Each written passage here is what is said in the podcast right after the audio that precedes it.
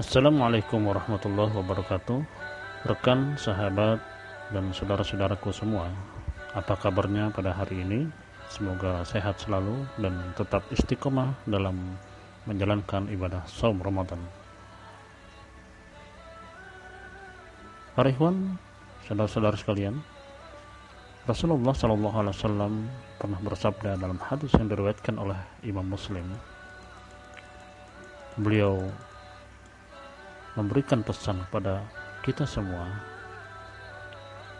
Ya ayuhan nas innallaha tayyib la yaqbalu illa tayyib. Wahai manusia sesungguhnya Allah itu baik dan tidak menerima kecuali hanya yang baik-baik saja Kemudian dalam hadis tersebut Rasulullah SAW juga menjelaskan bahwasanya Allah telah memerintahkan pada orang-orang beriman seperti yang diperintahkan kepada para rasul. Seperti dalam firman-Nya, "Wahai para rasul, makanlah makanan yang baik-baik saja dan kerjakanlah amal-amal soleh. Sesungguhnya Aku maha mengetahui apa yang kamu kerjakan. Dan Allah juga berfirman, Wahai orang-orang yang beriman,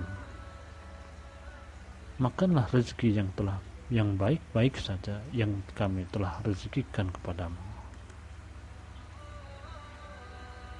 Kemudian Nabi Shallallahu Alaihi Wasallam menceritakan tentang seseorang musafir seorang laki-laki yang telah berjalan menempuh perjalanan yang sangat jauh sehingga rambutnya kusut, masai dan berdebu.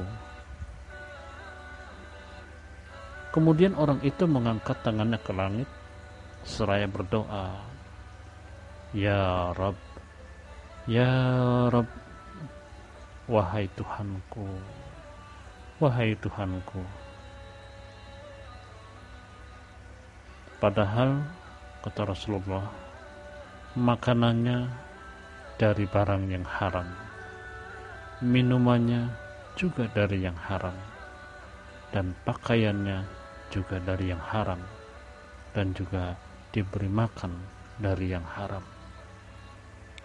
Maka bagaimanakah Allah akan memperkenankan doanya? Ma'asyiral muslimin, saudara-saudaraku yang dimuliakan Allah Subhanahu wa taala.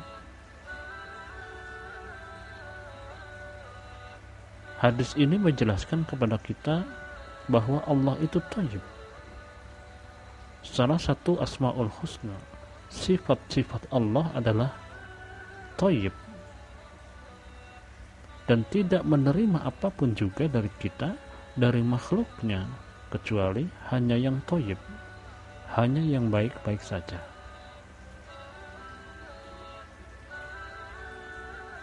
Saudaraku, arti toyib adalah suci, tidak ada kekurangan dan tidak ada celah. Maka demikian juga Allah Subhanahu wa taala. Innallaha toyib, sesungguhnya Allah itu toyib Sesungguhnya Allah itu suci dan tentu tidak ada kekurangan dan celah pada dirinya.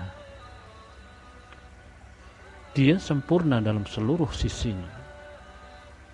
Maka Allah tidak akan menerima sesuatu hal apa pun kecuali yang toyib. Toyib dalam masalah akidah. Toyib dalam perkataan dan toyib dalam perbuatan dan tidak menerima artinya adalah Allah Subhanahu wa taala. Tidak akan pernah redha.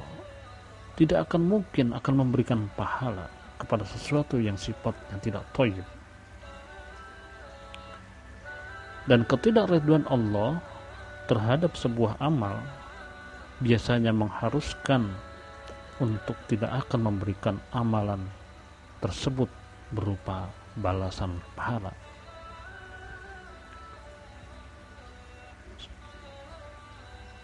para ikhwan semua saudara-saudaraku mengkonsumsi sesuatu yang halal dan baik merupakan karakteristik para rasul dan kaum mukminin. Makanan yang halal dan baik tentu sangat berpengaruh terhadap baiknya ibadah, terkabulnya doa, dan diterimanya amal. Di dalam kitab Ma'ayirul Halal wal Haram, Kiai Ali Mustafa Yakub pernah menjelaskan bahwa para ulama mungkin pernah berbeda pendapat terkait kriteria sesuatu makanan yang disebut toyib. Setidaknya ada tiga pendapat ulama terkait kriteria suatu makanan disebut toyib. Saudaraku, yang pertama, makanan yang disebut toyib atau baik dikonsumsi adalah ketika makanan tersebut tidak membahayakan fisik dan akal. Dan ini disampaikan oleh Imam Ibnu Qasir dalam kitabnya Tafsir Quranil Azim. Sesungguhnya Allah membolehkan kepada makhluknya untuk mengkonsumsi apa saja yang terdapat di bumi selama dalam kondisi halal dari Allah dan toyib yaitu makanan tersebut dinilai baik dan tidak membahayakan fisik dan akalnya. Saudaraku, kriteria yang kedua adalah makanan itu disebut toyib apabila makanan tersebut mengundang selera. Ini disampaikan oleh Imam Syafi'i dan ulama lainnya. Artinya, jika makanan itu terlihat menjijikkan meskipun dibuat dari bahan yang baik dibuat dari bahan yang halal tetapi dikemas secara menjijikkan maka ini pun tidak masuk dalam kriteria toyib. Kemudian kriteria ketiga makanan disebut toyib apabila ia halal tidak najis dan tidak diharamkan dan pendapat ini disampaikan oleh Imam Malik dan Imam At-Tabari. Saudaraku, dari tiga pendapat ulama di atas, maka makanan yang disebut toyib, apabila makanan tersebut halal, tidak najis, tidak diharamkan, mengundang selera, dan tidak membahayakan fisik serta akal. Maka selain kriteria itu, satu makanan tidak disebut toyib, sehingga tidak layak dikonsumsi.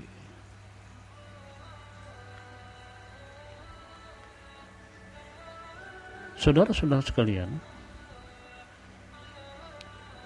sangat jelas Allah Subhanahu wa taala tidak akan menerima amalan-amalan termasuk juga makanan yang kita makan karena akan mempengaruhi apa yang tumbuh dalam tubuh kita, badan kita dan anak-anak kita. Allah tidak akan menerima amalan kecuali amalan yang toyib, yang baik, bersih dari segala noda seperti ria dan ujub. Allah Subhanahu wa taala juga tidak akan menerima harta benda yang diinfakkan, disedekahkan atau dizakatkan kecuali yang asalnya baik dan halal. Karenanya Rasulullah Shallallahu Alaihi Wasallam selalu mendorong agar seorang Muslim bersedekah dengan harta dari hasil usahanya yang halal dan baik. Saudaraku, khusus kita berbicara mengenai makanan yang dikonsumsi, maka perlu juga kita mewaspadai makanan yang beredar di sekitar kita karena sebagai informasi bahwasanya hewan babi merupakan ujian tersendiri bagi umat Islam. Baru-baru saja kita dikejutkan dengan berita dari media massa yang menyebutkan bahwa selama satu tahun di Solo, di sebuah daerah di Solo, banyak pedagang-pedagang yang membuat curang dengan menipu pembeli mengecoh pembeli dengan mengubah tampilan daging babi sebagai daging sapi. Naudzubillah min dzalik. Ini tentu adalah ujian tersendiri bagi kita. Ketika kita ingin mendapatkan makanan yang halal dan thayyib, tetapi kondisinya ternyata tidak semudah itu, maka di sinilah kita dituntut untuk waspada terhadap setiap makanan yang masuk ke dalam tubuh kita. Kenapa kita harus mewaspadai makanan-makanan ataupun sesuatu yang haram agar tidak masuk ke dalam tubuh kita. Karena yang pertama, bahwasanya dampak dari makanan yang haram itu akan membuat amalan kita tertolak selama 40 hari. Rasulullah Shallallahu Alaihi Wasallam bersabda, ketahuilah bahwa suapan yang haram jika masuk ke dalam perut salah satu kalian, maka amalnya tidak akan diterima selama 40 hari. Hadis riwayat At-Tabrani.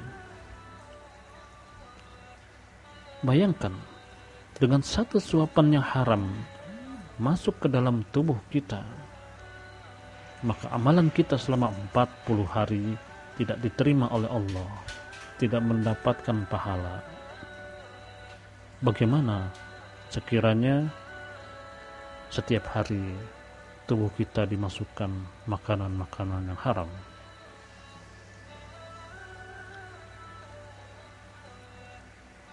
Kemudian dampak lainnya, ketika seseorang mengkonsumsi makanan atau minuman haram, yang cukup fatal adalah hilangnya keimanan seseorang di saat ia memakan atau meminum yang haram. Sabda Rasulullah Shallallahu Alaihi Wasallam, tidaklah peminum khamar ketika ia meminum khamar termasuk seorang mukmin. Hadis riwayat Bukhari dan Muslim. Dan yang lebih mengerikan, tubuh yang dagingnya tumbuh dari makanan yang haram, maka ia akan mencicipi pedihnya siksa neraka hingga daging yang tumbuh dari barang haram tersebut habis tak tersisa.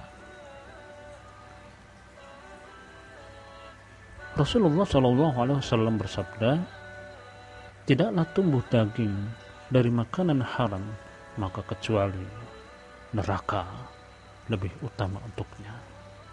Hadis riwayat At-Tirmizi. Saudaraku, begitu fatal makanan haram masuk ke dalam tubuh kita, dampak dan akibatnya. Dan bagaimana pula jika makanan haram itu kita berikan kepada anak dan istri kita. Bagaimana tanggung jawab kita tentang perintah Allah? Ya ayyuhalladzina amanu ku anfusakum wa ahlikum naro. Dalam surah At-Tahrim. Hai orang-orang yang beriman, jagalah dirimu dan keluargamu dari api neraka.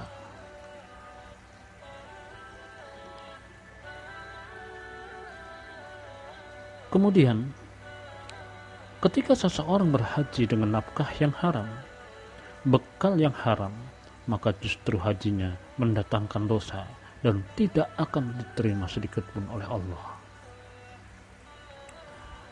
Rasulullah Shallallahu Alaihi Wasallam bersabda, jika keluar seseorang untuk melakukan haji dengan nafkah yang haram, ia mengendari tunggangan, mengatakan labbaik Allahumma labbaik, Labbaik la syarika laka labbaik. Maka yang di langit langsung menjawabnya. La labbaik. Tidak labbaik. Dan kamu tidak memperoleh kebahagiaan. Bekalmu haram, kendaraanmu haram, dan hajimu mendatangkan dosa dan tidak akan diterima. Hadis riwayat At-Tabrani. Ketika seseorang bersedekah dari yang haram, atau penghasilan haram seperti mencuri, merampok, berjudi, berzina, korupsi dan sebagainya. Dan itu amalan yang tidak akan mendatangkan pahala sedikit pun. Dan dosanya tetap akan tidak akan dikurangi. Rasulullah Shallallahu Alaihi Wasallam bersabda, Barang siapa mengumpulkan harta yang haram, kemudian menyedekahkannya, maka tidak akan ada pahala dan dosa untuknya. Hadis riwayat Ibnu Khuzaimah. Artinya, sedekah dengan barang yang haram itu tidak akan bermanfaat apa pun kepada seseorang. Tetapi dosa-dosa akibat ia memberikan mencari barang yang haram itu akan tetap melekat dalam dirinya.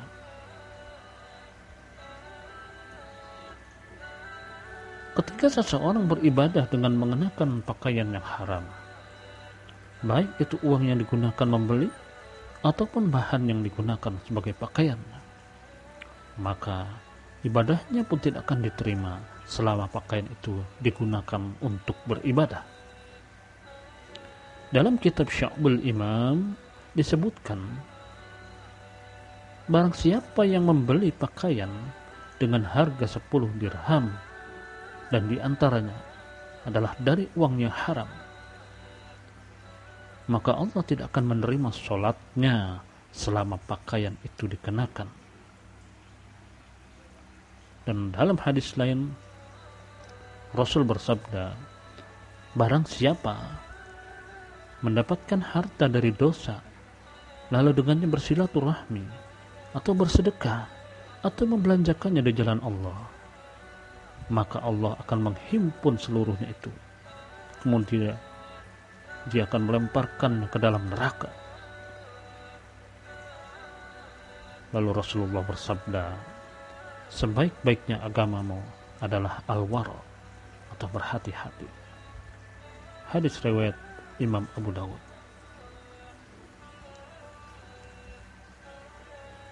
Saudaraku, sangat jelas bahwasanya barang yang haram masuk ke dalam tubuh kita akan berakibat fatal ke dalam diri kita. Doa-doa kita meskipun sambil menangis kita lantunkan pada Allah tidak akan membuat pintu langit terbuka. Tidak akan mampu menembus pintu-pintu langit karena doa-doa kita berangkat dari tubuh yang haram pakaian yang haram makanan yang haram.